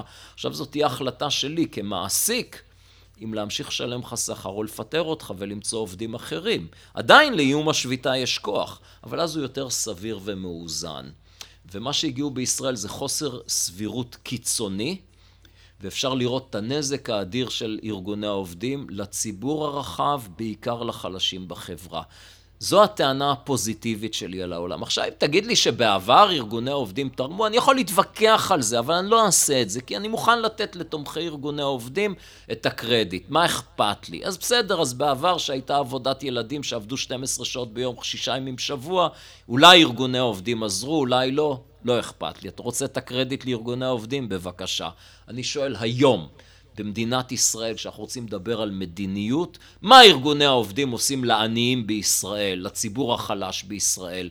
השיטה הקיימת בישראל פשוט מאפשרת להם לדפוק את הציבור הרחב בישראל, לעשוק את הציבור הרחב בישראל, לפגוע ביצירת עסקים, ליצור פה פריון עבודה נמוך, שפוגע בחלשים. או-אה, דברים נוקשים וחדי אה, חדי משמעות אה, אתה מביא כאן, אה, פרופסור מואב. תראה, אז אני רוצה לשאול אותך אולי שאלה מזווית אחרת, עדיין סביב שאלת העוני, ואז נעבור לשאלת אי השוויון, השאלה שהפחדת. אני רוצה לדבר איתך על כוחות השוק. אתה, הרבה פעמים גם בשיח של כלכלנים, אז כוחות השוק, ובמיוחד שאנחנו מדברים ברעיון הניאו-ליברלי, אה, חופש אה, אה, בעצם מתורגם לצמצום של הממשלה כדי לאפשר לכוחות השוק לפעול, ואז יש איזשהו סוג של סברה, אולי מיתולוגיה, שכוחות השוק בסופו של דבר יוצרות איזשהו סוג של איזון נכון יותר או לא נכון יותר מאשר הממשלה יכולה ליצור. ואני תוהה אני לא אומר שזה מה שאתה אומר, אבל, כן. אבל הרבה פעמים שומעים, נגיד בפוליטיקה האמריקאית, ממשלה, small government. יהיה small government, אז יהיה כאילו, המרחב שמתפנה מממשלה, הופך להיות מרחב חופשי, כך שבעצם כמה שפחות ממשלה, כמה שיותר חופש. מה שלא מספחים, זה שהמרחב שהממשלה מפנה, הוא מרחב שהוא לא אה, נהיה פשוט חופשי, הוא נהיה תחת שליטה של אה, אינטרסים כלכליים כבירים, אה, שאל מול הממשלה, שעוד יש לה איזשהו דין וחשבון אה, לעם, אותם קונגלומורטים, אותם חברות ענק וטייקונים ואנשי כסף וחברות כסף ענק, הם לא עומדים מול הבוחר כל ארבע שנים, ואם אין ועד עובדים אז בכלל אין עם מי לדבר. אז מה, מה, מה, למה לנו לחשוב שכוחות השוק זה דבר שהוא טוב לנו, שהוא יטיב לעניים, למה לא להפך, ממש לנסות לרסן את הכוחות האלה, אם אנחנו אה, בעצם מגיעים למסקנה שהאינטרס והלוגיקה, הדיאלקטיקה של כסף, אה, לא מובילה למצב שבו אה, העניים מתחוממים. כן, אה, אוקיי. מאיפה אני אתחיל את העניין הזה? אני, אני אגיד ככה, אולי כשמראיינים אותי בישראל לתקשורת, אז אוהבים להציג אותי כניאו-ליברל קיצוני, כן. כזה מאוד מאוד זהו. ימני, אני פשוט לא אומר, מאיפה שדיברת, מהשיחות שהיו לנו, אז אני פחות רואה את זה, אז בגלל זה כן, אני נזהר. אז, אז אני אגיד את המציאות, כן. כל... השיוך שלי לימין הכלכלי הקיצוני היא מעידה על המשייכים. כי באמת השיח הציבורי בתחום הכלכלי בישראל הוא כל כך סוציאליסטי, מרקסיסטי, קיצוני, שאדם כמוני, שהוא מיינסטרים כלכלן, שמאמין ברגולציה, שמאמין שלממשלה יש תפקיד חשוב, ומאמין כמובן שחשוב שיהיה כלכלה מבוססת על אה, שוק תחרותי, מדוע? משום שזה מה שמביא רווחה, אז בהחלט לא, אני, המרחק ביני לבין הליברטריאנים הוא גדול, אני הרבה יותר מזדהה עם המודל הסוציאל דמוקרטי האמיתי, לא הקשקושים שמוכרים לנו פה בישראל כל מיני פייק סוציאל דמוקרטי. אז רק שנייה, סוציאל דמוקרט אמיתי זה נניח מה שקורה ב- בסקנדינביה אני היום? אני חושב שאם, תראה, אני עושה תרגיל כזה, בכל הרצאה שלי, כשאני, בהרצאה שלי הרגילה על כלכלת ישראל, על פופוליזם, על מדיניות, אני עושה את התרגיל הבא אה, עם הקהל. אני מבקש, בואו נעשה משחק אסוציאציות קטן. ואני אומר, אחרי שאני מראה רשימה של רפורמות שאני ממליץ למשק הישראלי, רפורמות נגיד מאוד קפיטליסטיות, להסיר את המגבלות לגמרי על יבוא, אה, לבטל את הקביעות במגזר הציבורי, להפריט את רכבת ישראל ולהפריט כל מה שסביר להפריט, ועוד בכיוון הזה. ואני שואל אנשים, אז מה זה? אומרים לי, כן, אלו רפורמות מאוד קפיטליסטיות. אני אני מסכים. רפורמות שמגדילות את תפקיד כלכלת השוק ומגדילות חופש כלכלי ומצמצמות מעורבות של הממשלה. ואז אני אומר, אוקיי, עכשיו בואו נעשה משחק. אני אגיד ביטוי, תגידו לי באסוציאציה את השם של הפוליטיקאי הראשון שקופץ לכם לראש. אני אומר סוציאל דמוקרטיה. מה אומרים לי בקהל כולם, פחות או יותר? אני אגיד לך, אני מקבל שלוש תשובות שונות. Mm. הראשונה זה שלי, השנייה זה יחימוביץ', והשלישית זה שלי יחימוביץ'. זה, ואחר כך אולי פה ושם עוד כמה שמות. טוב, כן, יש בשוק החופשי, היא שילמה ליועץ נכון, שהצליח למתג אותה. אז היא באמת, היא לא אלופת התקשורת. אה, יש לה הרבה קשרים מצוינים בתקשורת, ובכל מקום, לא במקרה היא מזוהה כסוציאל דמוקרטיה. היא הסוציאל דמוקרטיה, היא נושאת הדגל הסוציאל דמוקרטי, כשמראיינים אותה היא תמיד אומרת, המהלך הסוציאל דמוקרטי הוא כזה וכזה, אני כסוציאל דמוקרטית, ומראיינים אותה, אומרים, אה, חברת הכנסת יחימוביץ', כסוציאל דמוקרטית, מה עמדתך? אה, וזה מאוד מעניין, כי אחר כך אני שואל את הציבור הנכבד בהרצאות שלי, ובאמת שאלתי את זה כבר לדעתי עשרות אלפי אנשים, ולפעמים זה, זה אנשים שבחרו לשמוע את ההרצאה שלי, לפעמים זה באמת גם איזה ארגון שכפו על העובדים שלהם במסגרת יום עיון לשמוע אותי. אף אחד לא סבל עד היום. אה, כן, יש אולי כאלו שסבלו, כי האמת לפעמים כואבת למי שמאוד מרקסיסט. אמ, אבל אז אני עושה שוב אה, משחק אסוציאציות, ואני אומר, תגידו, ארצות שקופצות לכם לראש, ואני אומר סוציאל דמוקרטיה, ואומרים לי פינלנד, שוודיה, דנמרק וכדומה. ומתוך זה אני מסיק שבעיני הציבור הישראלי, המדיניות ששלי יחימוביץ' מדברת עליה, היא המדיניות שתביא אותנו להיות שוודיה, דנמרק ופינלנד. ואז אני מראה אחד לאחד את הפער האדיר, הפוך למעשה, בין המדיניות שקיימת שם, שהם אימצו, לבין המדיניות שיחימוביץ' קוראת לה סוציאל דמוקרטיה. אז, מה, הסוצ... מה, מה, אז בוא, בוא נתמקד באמת בסקנדינביה כסוג של גן עדן אה, כלכלי. אה, אני לא חושב שזה גן עדן כלכלי, אבל, צריך אבל להבין שגם שם יש, הרבה, יש עוני ופערים. ואני מניח שיש עוני ופערים, אבל מה, מה, מה עובד שם? למה שם זה בעצם סוציאל דמוקרטיה שאתה כן היית מעודד אז תראה, אז אותה? אני חושב שהרעיון הוא כזה, אנשים בישראל, הציבור, שוב, בגלל שהוא מוטעה, מוטעה באופן שיטתי על ידי התקשורת. אני אגיד את זה בצורה... ברורה. אם אנחנו נחשוב על כל החברים השמאלנים שלי שמסתכלים על אה, ריקלין, מראיין את שרה נתניהו, או ראיונות כאלו של ה base של ביבי, מראיינים אותו ואומרים זה לא עיתונאות, זה סתם ביזוי, זה אנשים, אה, עיתונאי שבמקום לשאול שאלות קשות הוא רק מהנהן.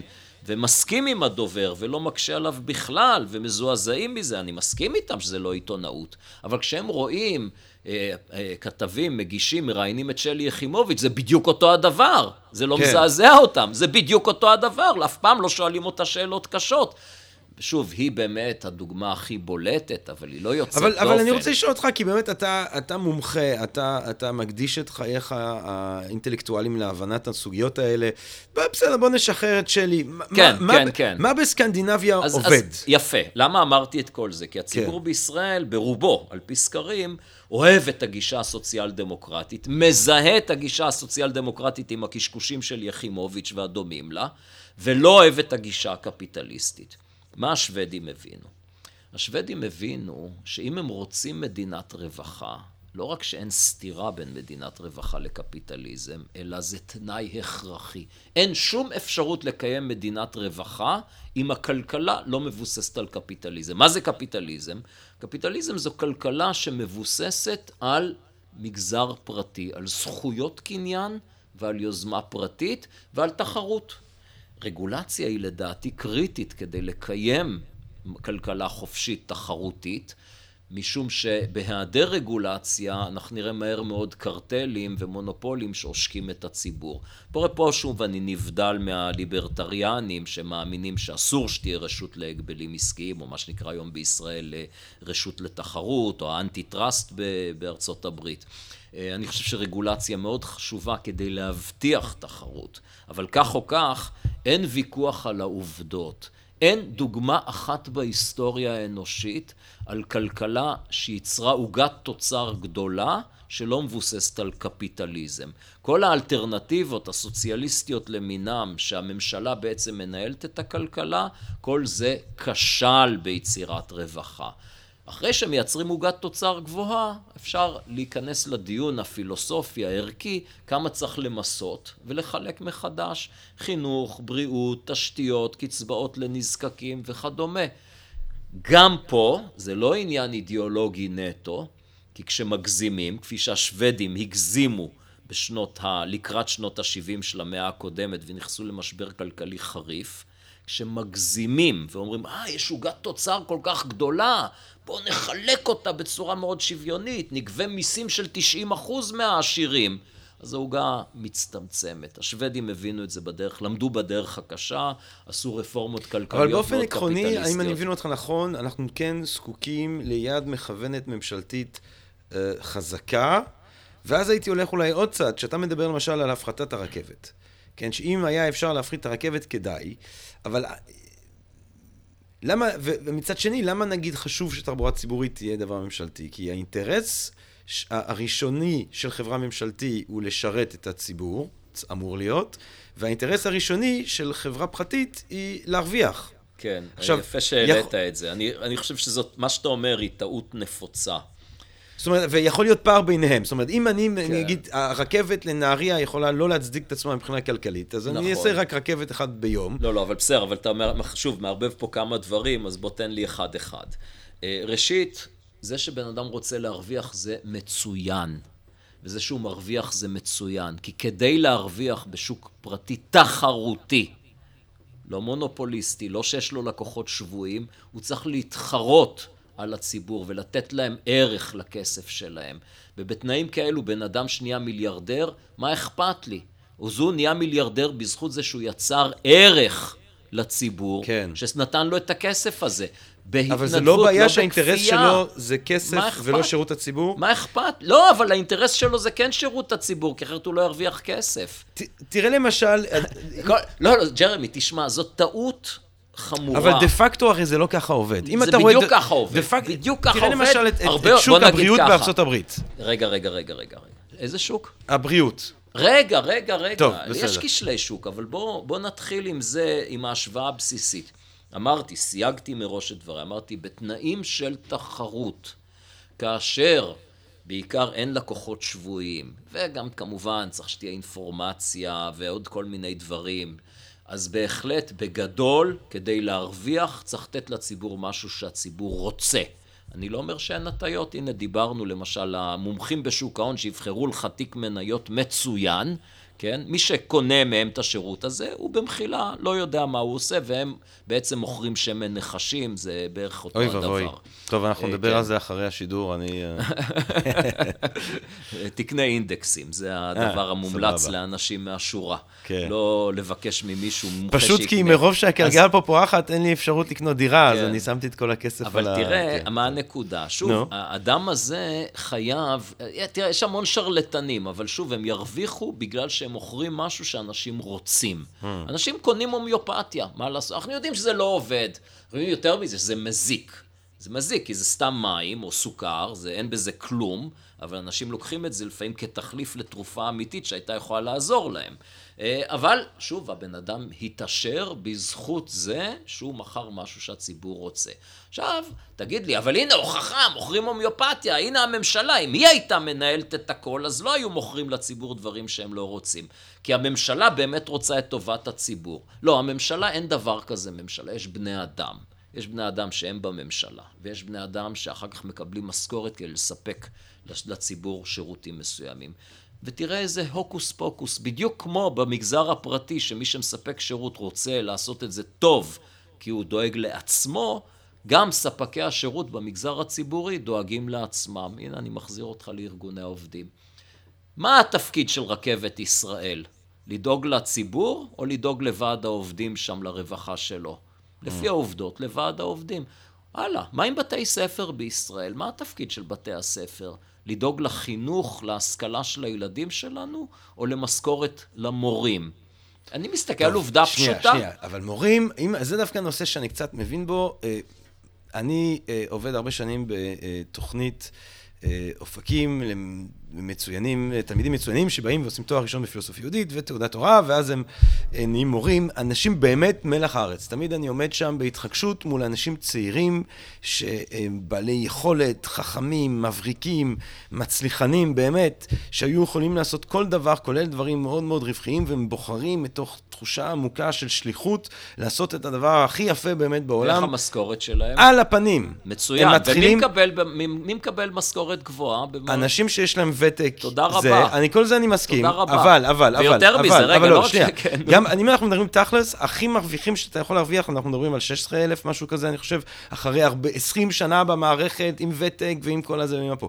וכשאתה מתחיל זה 4 או 5, שזה, אה, אה, אה, אני לא יודע איך להגדיר את זה, הנה, זה רואה, יריקה זה- בפרצוף. זה אבל הוועד שלהם עושה להם. שנייה, שנייה, אבל הבעיה היא, זה שמורים ספציפית, אין לי שום בעיה שמורה שמלמד 20 שנה, שמחזיק ילדים ומקים דורות של תלמידים, שיעשה 16,000.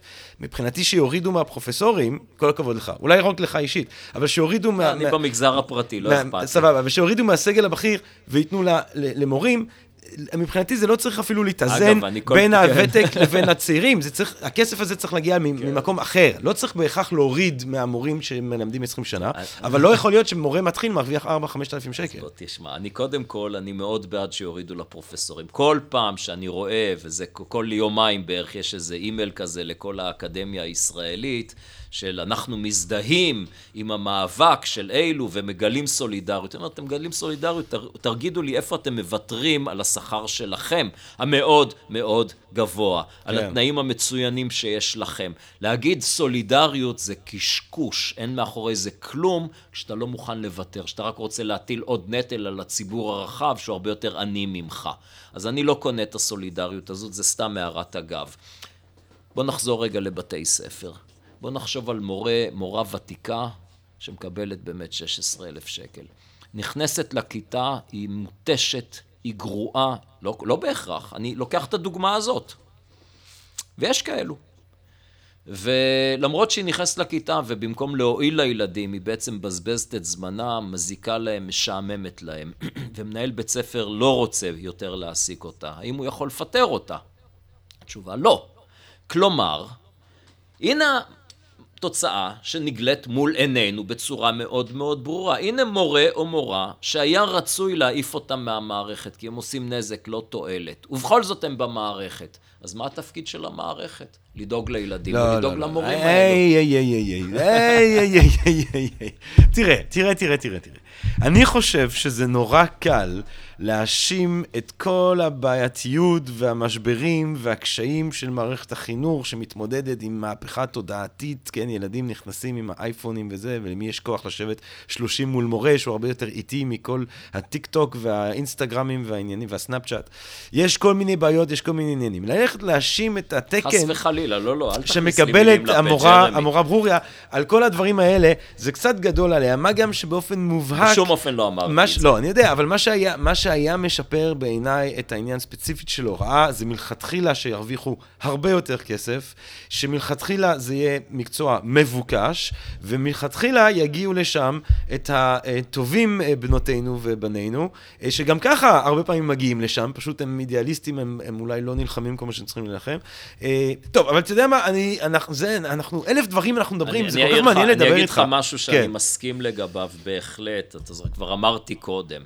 לא משהו שהוא בתחום התמחותי, אני כלכלן, אני לא סוציולוג, אבל אני רואה מול עיניי באמת שיש משהו בתרבות הישראלית יוצא דופן, ואני בהחלט, אני אומר בגלוי ובלי שום בעיה, שזה גם, אני לא בהכרח מאשים את המורים על כל המחדלים, כי אני חושב שאם מורה לא יכול ללמד, כי הוא צריך להשתיק את הילדים כל הזמן, אז זה פוגע ב... הנה, דיברנו על פריון העבודה. מה זה פריון עבודה? נניח שלי כמורה, מה זה פריון העבודה? איך תמדוד את זה? קשה למדוד את זה, אבל תסכים איתי שהפרודוקטיביות שלי יותר גבוהה אם אני מצליח להעביר מסר לתלמידים, לגרות את המחשבה שלהם, להעביר להם יותר חומר. לעומת זאת, אם אני חצי מההרצאה צריך לבקש מהם שישתקו, כן. אז הפרודוקטיביות נמוכה יותר. הנה, פריון העבודה נמוך בגלל משהו תרבותי, יוצא דופן, באמת ייחודי לישראל, שאני באמת לא מבין מאיפה זה הגיע, אבל הוא משמעותי. מהקיבוץ. לא יודע. מקור כל כל הרוע. אחד ב- יגיד, סתם, סתם. מהקיבוץ, מהכיבוש. אין לי מושג אה, מאיפה זה קיבוץ, הגיע. כיבוש. אבל אני כן. אומר לך, זה משהו, באמת תופעה מדהימה, כמה שהיא לא קיימת במקומות אחרים בעולם. אני מלמד באנגליה מ- סטודנטים מכל העולם. כן. אין לי בעיה לעמוד מול כיתה של 200 איש, הם בשקט. כן. פה זה בלתי אפשרי, החוצפה דווקא אבל ב-IDC יש לך גם הרבה מ- אה, שבאים מכל העולם. כן, לא, ואני מלמד את הקבוצות של אבל הישראלים. זה יהודים. זה יש לא- משהו עם יהודים ספציפית, אני שלא לא- מתנהגים לא כמו יודע, שצריך לא בכיתה. יודע, לא, לא, לא יודע אם זה יהודים. זה יש- אני, אני יודע, האובזרבציה שלי, ההבחנה בין ישראלים. ישראלים לבין לא אה, ישראלים. פרופסור מואב, תקשיב, אז דיברנו על עוני, דיברנו על אה, הפחתה, דיב- דיברנו על כל מיני נושאים. אני רוצה עוד כמה מילים, אנחנו עוד מעט צריכים לסיים, אני רוצה גם לדבר באמת על הדבר הזה שהפרדנו מעוני ואי שוויון.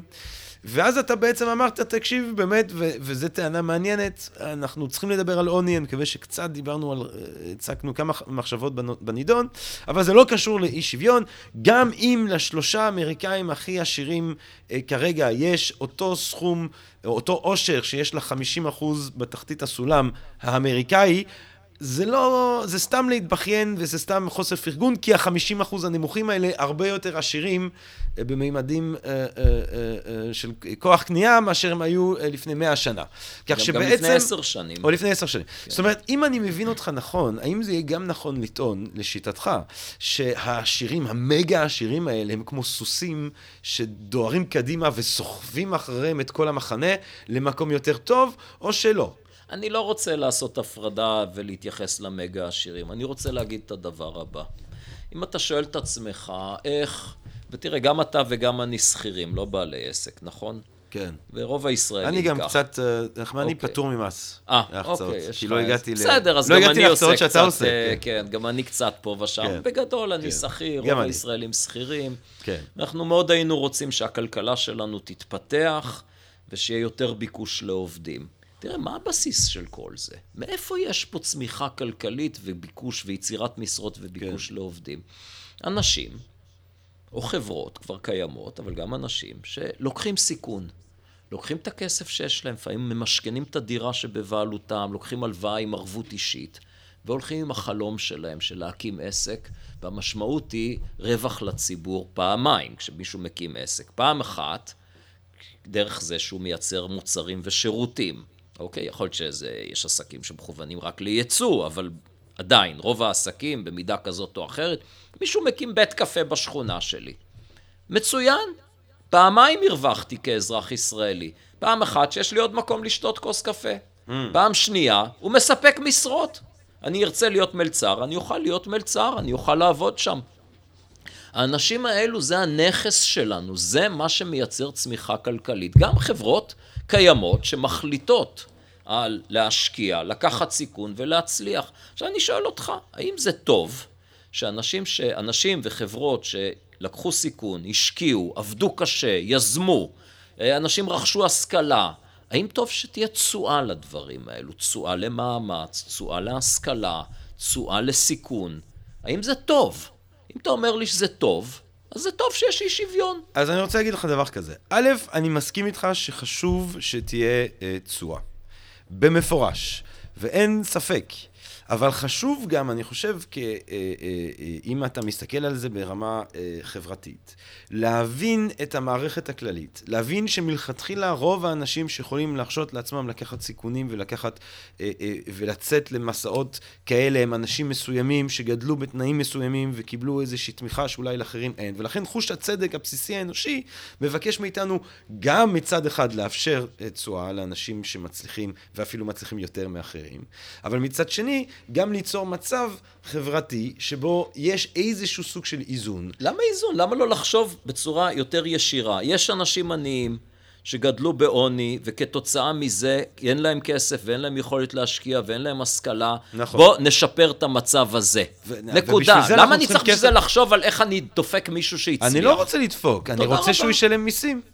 יותר ממה שהוא משלם אולי. לא יודע. אתה צריך גם לחשוב פה בצורה זאת סבירה. אומרת, אני אגיד לך משהו, אני רואה למשל את המגדלים שבנדיבותם תורמים לנו את האיכוני ישראל, יש מגדל עופר למחלות לב, תודה רבה למגדל הזה, יש מגדלים אחרים, ואתה אומר, אבל מאיזה שיט... זה לא נראה הגיוני שהמדינה פשוט אה, תיקח מיסים יותר מאותם משפחות ומאותם אנשים, ואז היא תוכל להרשות בעצמה אה, להקים בית חולים, ואנחנו לא נהיה אה, תלויים בנדיבות. אתה, אתה מבלבל פה שני דברים שונים, שתרשה לי לעשות בהם סדר. האחד הוא באמת שאלת המיסוי. עכשיו, אם תגיד לי, בוא ניקח יותר מיסים מהעשירים במטרה לעזור לעניים, כן. אז אני יכול לדבר איתך. אם תגיד לי, אני רוצה לקחת יותר מיסים מהעשירים במטרה לדפוק את העשירים, לא, חס וחס, רגע, לא. או, מצוין. לא. אז יש לנו, אז אין לנו ויכוח אידיאולוגי. לא. אז עכשיו הוויכוח הוא ויכוח פוזיטיבי. האם תעלה עוד את שיעורי המיסים, באמת תעזור לעניים, תגדיל את הצמיחה הכלכלית ואת הרווחה? אני לא יודע. הטענה המאוד פופולרית בח... ב... בשמאל הישראלי, שאפשר בלי בעיה להעלות עוד מיסים, והמשמעות תהיה שכל הפעילות הכלכלית לא תשתנה, אבל רק לממשלה יהיה יותר הכנסה לעשות דברים טובים למען הציבור, זו טענה שגויה. היא טענה מופרכת שאין לה בסיס עובדתי. למיסוי מעל שיעור מסוים יש פגיעה בצמיחה הכלכלית. זה לא אומר שלא צריך לכן למסות, אבל צריך להבין את ה trade-off. מסכים, מסכים אוקיי. שצריך לעשות, אז, אבל, אז אתה, אבל אתה לא תסכים לא איתי יודע... שצריך לעשות את המיסוי, בוא נגיד את זה ככה, המיסוי המקסימלי שלא יפגע בפוריות של החברה, הוא מבחינתך צודק? בפריון. פריון, סליחה. פריון העבודה, אנחנו לא רוצים, כן. אה, אני בעד כן. לפגוע בפוריות, או בפריון הילודה, כן, כן. אה, אבל, אבל בפריון, אה, בפריון הכלכלי של מדינה, זאת אומרת, מבחינתך, באופן עקרוני, אם אני אומר לך איקס אחוז של מיסוי של עשירים, זה מה שאפשר להוציא מהרווחים, ו... זה המודל הכלכלי המקובל. אם תלך למחקר הכלכלי, השמות המפורסמים בתחום הזה של אה, מיסוי אופטימלי, הנחת המוצא שלהם היא הנחה נורמטיבית. כן. אבל זאת ההנחה המקובלת אה, שצריך לא, למסות. לא, לא, אני מפרגן לכל כן, אחד כן, כן, על שצריך... הבריחה השלישית בבית קיץ שלו. מודלים, שום בעיה. כן, כן, שכותבים מודלים כן. שמנסים להגיע מתוך זה למדיניות מיסוי אופטימלית, הקו המנחה... קשה ליישם את זה במציאות בגלל שאנחנו לא יודעים, אבל הקו המנחה התיאורטי הוא באמת למסות את מי שבהכי עשיר באופן שמתעלם מהרווחה שלו, אלא רק חושב על הרווחה של הציבור. זה אומר לא מיסוי של 100%, כי אתה רוצה לדפוק את הפעילות הכלכלית. שם? אני לא יודע, אני לא אתה יודע. חושב שבישראל אנחנו יכולים שאנחנו, לתת עוד קצת? ה, אני יכול להגיד לך שהשיח הפופוליסטי שאומר, אה, בואו ניקח מהעשירים, מי זה העשירים? מי זה העשירים? עשירון עליון זה עשירים. נגיד? זה עשיר, עשירון עליון זה לא עשירים. עשירון עליון זה אנשים, זוג שיש להם uh, ביחד הכנסה של 30 אלף שקל, הם כבר בעשירון העליון. זה עשירים, הם, הם uh, לא יכולים לקנות, היום אנשים בעשירון העליון אפילו דירה לא יכולים נכון. לקנות בלי עזרה מההורים. אז זה לא עשירים. עשירים, תגיד לי, אוקיי, זה המאיון העליון. אתה יודע, כמה אנשים יש בישראל שהם במאיון העליון? רק אחד מכל מאה. זה, היכולת שם להגזים היא אה, אה, להפריז. האם אתה משלם מספיק מיסים? הזה. אני, אותך... אני משלם יותר מדי מיסים. בוודאי, כן, ברמה, שאלה. אתה אומר את זה כן, ב... כן, כואב. תח, תחשוב שמזמינים אותי ל, לתת הרצאה. כן. אוקיי? אני עושה את החישוב, אוקיי, אם אני אגבה סכום מסוים, כמה יישאר לי נטו? ובנטו הזה, אז אוקיי, אם זה בתוך תל אביב לא אכפת לי, כי אני נהנה מההרצאה ואני לא צריך לנסוע, אבל אומרים לי, תבוא לחיפה, תשלם לך שלושת אלפים שקל להרצאה. או, מצוין. אבל רגע, שלושת אלפים זה הם אספו נגיד מהאנשים שבאו לשמוע את ההרצאה. תוריד מע"מ, תוריד חמישים אחוז מס, אז מה נשאר לי? אז אני אומר, אה, בשביל סכום כזה כבר לא שווה לי לנסוע. אז ודאי שזה משפיע על התמריצים. לחשוב שאפשר למסות וזה לא משפיע על התנהגות של אנשים. אני, אני, רוצה, אני רוצה להציע לך איזה עניין אחר, ואז אנחנו באמת חייבים לסכם. אבל רציתי להגיד משהו 아, על המגדלים וכולי. כן. אה, בבית חולים, כן. הנקודה הבעייתית, שאני באמת חושב שהיא בעייתית במידה מסוימת, אולי אפילו רבה, זה שהמדינה מכירה בתרומות כהוצאה לצורכי מס. Mm. מה זה אומר בעצם? שאנשים פרטיים יכולים לקיים אה, מדיניות רווחה, והמדינה, מה שהם מחליטים שהם רוצים, כלומר כל עסק כזה צריך להיות מוכר כמוסד ללא כוונת רווח שזכאי לקבל תרומות. אה, מי מחליט? המערכת הפוליטית, ואז אנחנו מקבלים גם כל מיני תופעות שכמובן ארגוני שמאל פוסלים להם את הרישיון וארגוני ימין נותנים להם את הרישיון כי זה מי ששולט בממשלה היום. אז אני מבין, זה ריאל פוליטיק, אבל אני חושב שכל הקונספט הזה, שאדם פרטי מחליט לתרום כסף, שיתרום כסף, למה המדינה צריכה להכיר בזה כהוצאה? עכשיו, כמובן, אני צריך להיזהר כשאני אומר את זה, כי זה נגד האינטרס האישי שלי, כי הבינתחומי לא ישרוד ללא תרומות, כי זה מוסד שלא לוקח בצורה ישירה אגורה אחת מממשלת ישראל. מעניין מאוד. אתה יודע, סולון, היה שלב שבעיר, אני חושב שזה סולון, אה, יכול להיות שאני טועה, אבל אני חושב שזה סולון. שלב של, בהיסטוריה היפה של אתונה הקלאסית, דואגים אה, אה, אה, יש משבר חוקתי וכולי, כחלק מהמהפכות שלו כדי לאפשר דמוקרטיה, אני חושב שהוא הוא, הוא, הוא, הוא, הוא, הוא סולח לעניים על... סולח להם, כן? מוחק להם את כן, החובות. כן, מוחל להם על החובות. מוחל על החובות, מוציא מחוץ לחוק את האפשרות של להשתעבד בעקבות חובות, וגם מכניס מנגנונים שלפיהם הכי עשירים לא יכולים להיות יותר עשירים מאשר פי ארבע מאשר הכי עניים. כן. זה לא נראה מגניב? סתם אני שואל עכשיו. תשמע, זה האמת שבאמת אפשר להסתכל לפי כל ההיסטוריה על אפשר היה שנשחק במונופולי, שבו הכי גבוה שאתה יכול להגיע, זה משהו כמו, כמו נגיד פי מאה מהכי עני בחברה שבה כן. אתה חי. אבל למה, למה אנחנו צריכים לשחק? מה, למה אז בוא נחשוב, מה... מה יקרה? בוא נחשוב מה יקרה כאילו, אם תעשה את זה. כאילו, למה המשחק צריך להיות פרוץ ברמות כאלה? תראה, אני לא, תראה, אם אתה תגיד לי, אני מבחינה ערכית חושב שלא צריך להיות פערים של יותר מפי מאה, בסדר, אני לא אתווכח איתך. אבל אני שוב, אני אומר, המטרה שלי כמדיניות זה הרווחה של הציבור עם דגש על החלשים. אז אני שואל כל שאלה דרך הזווית הזאת. האם להגביל את שכר הבכירים יתרום לרווחה של הציבור בישראל ובעיקר לחלשים. ואתה חושב שלא. אני חושב שבהחלט לא, כי אם אתה תגיד לי, בן אדם מעל סכום מסוים אסור לו להרוויח יותר, אז באותו רגע, גם אם זה היה אפשרי, כמובן שנורא קשה לאכוף את הדברים האלו, בוודאי אנשים שיש להם עסק שמרוויח. אז מה, נגיד שהוא באמת שומר חוק, הוא יגיד, אוקיי, אני עוצר את הפעילות שלי, אני לא אעבוד יותר. מה הרווחת מזה? זה לא, הפסדת מזה כחברה. אתה יכול, אה, זה שוב, יש זה תגמולים, ש... אבל אתה יכול של... לפטר גם תגמולים שהם לא כלכליים להצלחה, כן, תגמולים של כבוד, אבל תגמולים אבל של... אבל עובדה, תראה, השוודים למשל, חלק מהרפורמה שהם עשו בשנות התשעים, בעקבות אחרי עשרים שנה של משבר כלכלי חריף, עשו הרבה רפורמות מאוד מעניינות. בין היתר הורידו את, את מס ההכנסה השולי המרבי מ-90% ל-50%. 90 אחוז היה שם. אז מה קורה כשמס הכנסה הוא 90 אחוז? של הרבה אנשים, דווקא היותר פרודוקטיביים בחברה, אומרים, האם כדאי לי לעבוד עוד שעה? מה? כן? 90 אחוז ילך לממשלה, 10 אחוז לי, עדיף לי לשבת רגל על רגל וליהנות מפנאי. זה, זה פוגע בעניים, זה כן. פוגע ברווחה של הציבור. אני רוצה לשאול אותך שאלה אחרונה, אנחנו ממש כבר uh, חייבים לסיים, אבל אתה היית במזרונות ה... מזרוני? מזרונות, כן? אה, הכוח, כן? מסדרונות הכוח. מסדרונות, אוי ואבוי, כן. כן. ואתה uh, uh, ראית... לא היו שם הרבה מזרונים. כן. uh, כן. מקווה שלא. כן. Uh, בכל מקרה, אתה ראית שם uh, uh, איך מדיניות uh, מקרו-כלכלית uh, uh, uh, uh, uh, אני יודע מה, מה ראית? איך היא מתוכננת? איך, איך מוצאים אותה לפועל? איך חושבים עליה? איך מדברים עליה? עד כמה יש שם באמת חשיבה שהיית מגדיר אותה כמקצועית? כן. שיושבים כלכלנים ומול אחד עם, הש, אחד עם השני בקבוצות דיון או קבוצות מחקר, עם מחקרים מכל העולם, שבה באמת השאלה הראשונית היא איך אנחנו מטיבים עם החלשים בחברה הישראלית, ועד כמה זה שיקולים פוליטיים שאנחנו כולנו מכירים מהחדשות כן. ומהיום-יום.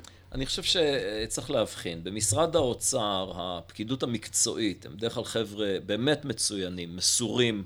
אני מאוד מאוד התרשמתי מהם. עכשיו, הבעיה שיש עליהם עומס אדיר, ולכן היכולת אה, באמת להשקיע הרבה זמן, לומדים וחוקרים ומתייעצים, ואני יכול להגיד, עד היום, למרות שאני מבקר בחריפות את השר כחלון, אבל גם ברור שהפקידות המקצועית באוצר זה כבר לא סוד, הם מבינים שהוא שר אוצר נוראי, ומאחר ואכפת להם מדינת ישראל, עד היום מתייעצים איתי לפעמים. אני מקווה שבעקבות זה לא יוציא עכשיו הוראה שאסור לפגוש אותי. אמ, ואכפת להם והם רוצים ללמוד.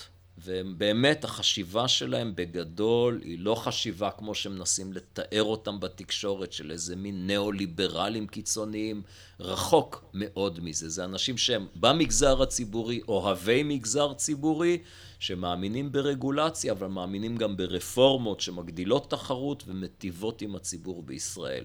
אז התשובה לשאלה שלך, חושבים, אבל לא מספיק.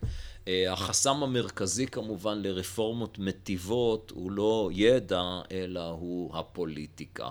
וכשיש לך אה, משרדי אוצר, לפעמים שרי אוצר טובים, שמוכנים להקשיב לדרג המקצועי ולעשות מה שנכון, או להתייעץ עם פרופסורים לכלכלה ולעשות מה שנכון, אז אנחנו מקבלים באמת רפורמות מטיבות עם הציבור, ולאורך ההיסטוריה יש הרבה מאוד רפורמות שעשו שהן מצוינות. אה, לצערי, בוודאי אם תחת שר האוצר כחלון, אה, אנחנו לא רואים את הדבר הזה קורה. אה, מדובר בשר אוצר שהוא פופוליסט קיצוני, שלא מוכן לריב עם אף אחד ולעשות רפורמות לטובת הציבור, זה לריב עם גופים אינטרסנטיים שעושקים את הציבור. הוא לא מוכן לעשות את זה, הוא פופוליסט שרוצה לחלק מתנות, כפי שאני מסביר בהרצאות שלי, ואני אגיד זה כאן, מתמטית, זו עובדה. הממשלה לא יכולה לתת מתנות לציבור, הממשלה יכולה להעביר כסף מכיס לכיס. עם יותר בזבוז, פחות בזבוז, יותר מוצדק, פחות מוצדק.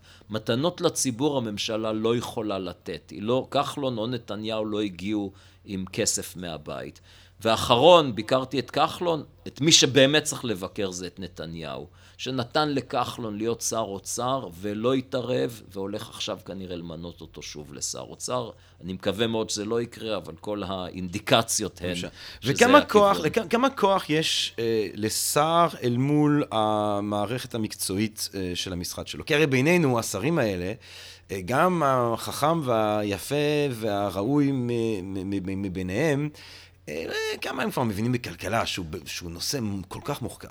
אז, כן. אז כשהם מגיעים לעמדה הזאת, אה, כמה יש להם כוח לבצע תוכניות ומהפכות, וכמה זה בעצם הדרג הבכיר של המשרד שמנהל שם את העסקים? שר אוצר טוב הוא שר אוצר שמקשיב לדרג הבכיר, מקשיב, לא בהכרח עושה מה שהם מציעים לו. אה, מתייעץ.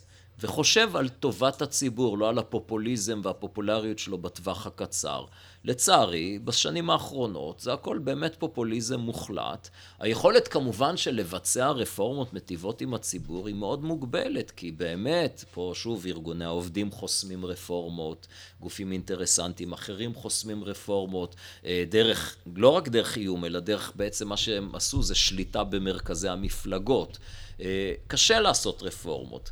קשה מאוד, גם יש את ה... זה קצת כמו, כן, אדוני השר במובן מסוים, כל מיני גופים שהם יכולים, אתה יודע, גם בלי שצורה פורמלית, אבל יכולים להקשות. אבל בלי ספק, כדי לעשות רפורמות מטיבות, צריך קודם כל לרצות ולהיות מוכנים לריב. ומי שרוצה ומוכן לריב, יכול לעשות וללכת לעשות דברים טובים למען הציבור בישראל. אה, נתניהו כשר אוצר עשה דברים אמיצים ונכונים. כראש ממשלה, זה פשוט נראה כאילו אין לו שום עניין בכלכלה. אה, כרגע ברור לגמרי לכל אדם שלא שפוט שלה רק ביבי והערצה עיוורת אל האיש, ברור לגמרי שהוא ינהל מדיניות שמעניין, שדבר אחד רק חשוב, איך להרחיק אותו מהכלא, זה, זה כן. הכל. כלום מעבר לזה, וחלק מזה זה הפקרה של הכלכלה הישראלית. אתה יודע מה השאלה? אחרונה, אחרונה בהחלט. אומרים שאולי הדור שלי, הדור שלנו, אנחנו, אה, לפחות במערב, אני לא יודע אם ישראל נחשבת כחלק מהמערב או לא, אה, אנחנו אה, הדור הראשון שבמובנים מסוימים יתקשה יותר מאשר דור הוריו. זאת אומרת, יהיה לנו יותר קשה לקנות דירה. כן, בלתי אפשרי לנו כמעט. כן. למי שלא בא עם כסף רב מהבית, או שלא בין יחידי הסגולה שהצליחו לעשות אקזיט, אה, לרכוש אה, אה, בית. הפנסיה שלנו נראית בסימן שאלה גדול. אתה, אתה גם חושב ככה? הנתונים מדברים אליך באותו... אני חושב שזה יותר מורכב. אתה חושב שלילדים שלך יהיה יותר קשה מלך, או לדור של ה... שוב, הילדים שלי ספציפית לעומתי, אני, היה לי די מזל בחיים, אז כן. הצלחתי לא רע, אבל גם הילדים שלי מוכשרים, ואני בטוח שהם יצליחו, אבל... כן. אה, ומצליחים. אה, אבל אה, באופן כללי, אני חושב שיש פה, האמת, המציאות יותר מורכבת. בסך הכל רמת החיים עולה כל הזמן. יחד עם זה, בוודאי שבישראל ספציפית, זו לא תופעה כלל עולמית, מחירי הדיור באמת בחוסר שליטה, בגלל בעיקר שתי בעיות. אחת אובייקטיבית, ילודה גבוהה. כשאוכלוסייה גדלה כל הזמן, נושא הדיור והתחבורה הם מאוד מאוד בעייתיים. אה, אבל שתיים, מדיניות שגויה לחלוטין, מדיניות פופוליסטית ושגויה בתחום הדיור. אה, מה רציתי עוד להגיד בעניין הזה? פרח מזיכרוני. שיהיה אה, להם בהצלחה. לילדים שלך, לדור של הילדים 아, שלהם. אה, אני יודע, אני יודע. המדיניות הפופוליסטית חלקה גם גירעון והתחייבויות mm. של כל מיני בוא ניתן מתנות. המתנות הולכות לוותיקים על חשבון הצעירים. תחשוב על הפנסיות התקציביות למשל. כן. ברור שאנשים מהדור שלי, אישית אני, לי אין פנסיה תקציבית, אבל אנשים מהדור שלי בעצם חיים על חשבונך. Mm. פה בהחלט יש עושק של הוותיקים שעושקים את הצעירים בעזרת ממשלת ישראל. בנימה אופטימית זו. בנימה אופטימית זו, אה, אני מפרגן אה, כל כסף שאתה תקבל אה, ממני, באופן אישי. רק תזכור מאיפה לא, זה בא, אה? אני לא, אין לי פנסיה תקציבית, אין לי, מה לעשות. בסדר גמור. תקשיב, אני חושב שכן הצלחנו לדבר על מגוון רחב של נושאים. אני מקווה שזה עורר את העניין ולפחות עונה על חלק אולי מהשאלות, או אולי אדרבה, מגביר את השאלות שיש אה, למאזינות והמאזינים שלנו. אה, אני ממליץ בכל מקרה לכולם לבוא ולשמוע את ההרצאה הקרובה של פרופסור מואב ב-Think and Drink Different בשישי במאי, ועוד רבות וטובות שיבואו. ואני גם ממליץ לכם אה, להאזין לשאר הפודקאסטים שהקלטנו ולאלה שבעזרת השם עוד נקליט. שיהיה לכם כל טוב ונשתמע. פודקאסט, פודקאסט, פודקאסט.